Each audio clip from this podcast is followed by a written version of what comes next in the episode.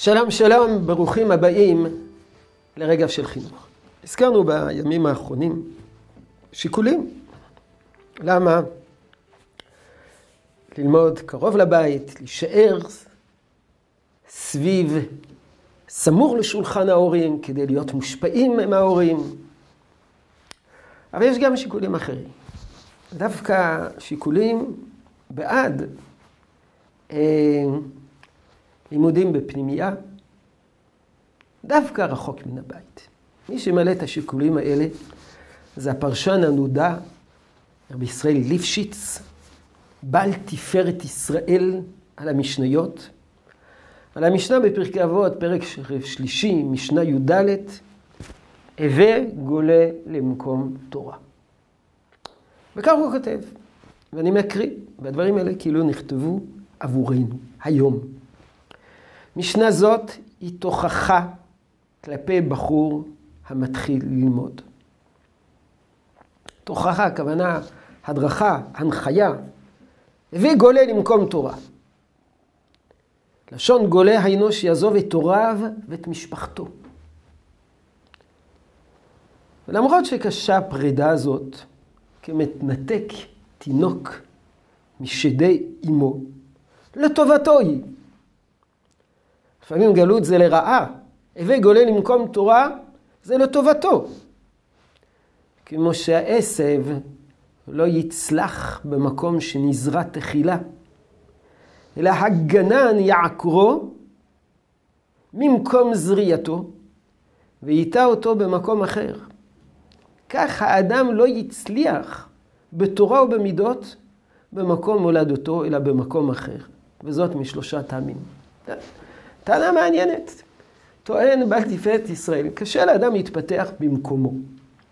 צריכים לעקור אותו ולנטוע למקום אחר, כמו שגנן.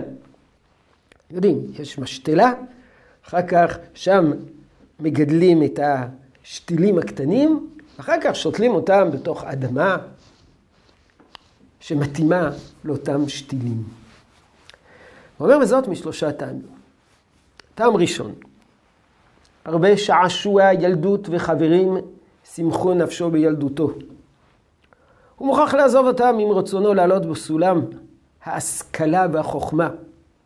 אבל בביתו, ההרגל ימנע ממנו מלפרוש מהם. זאת אומרת, דבר ראשון, זה מה שהזכרנו בימים האחרונים, על המעגל החברתי.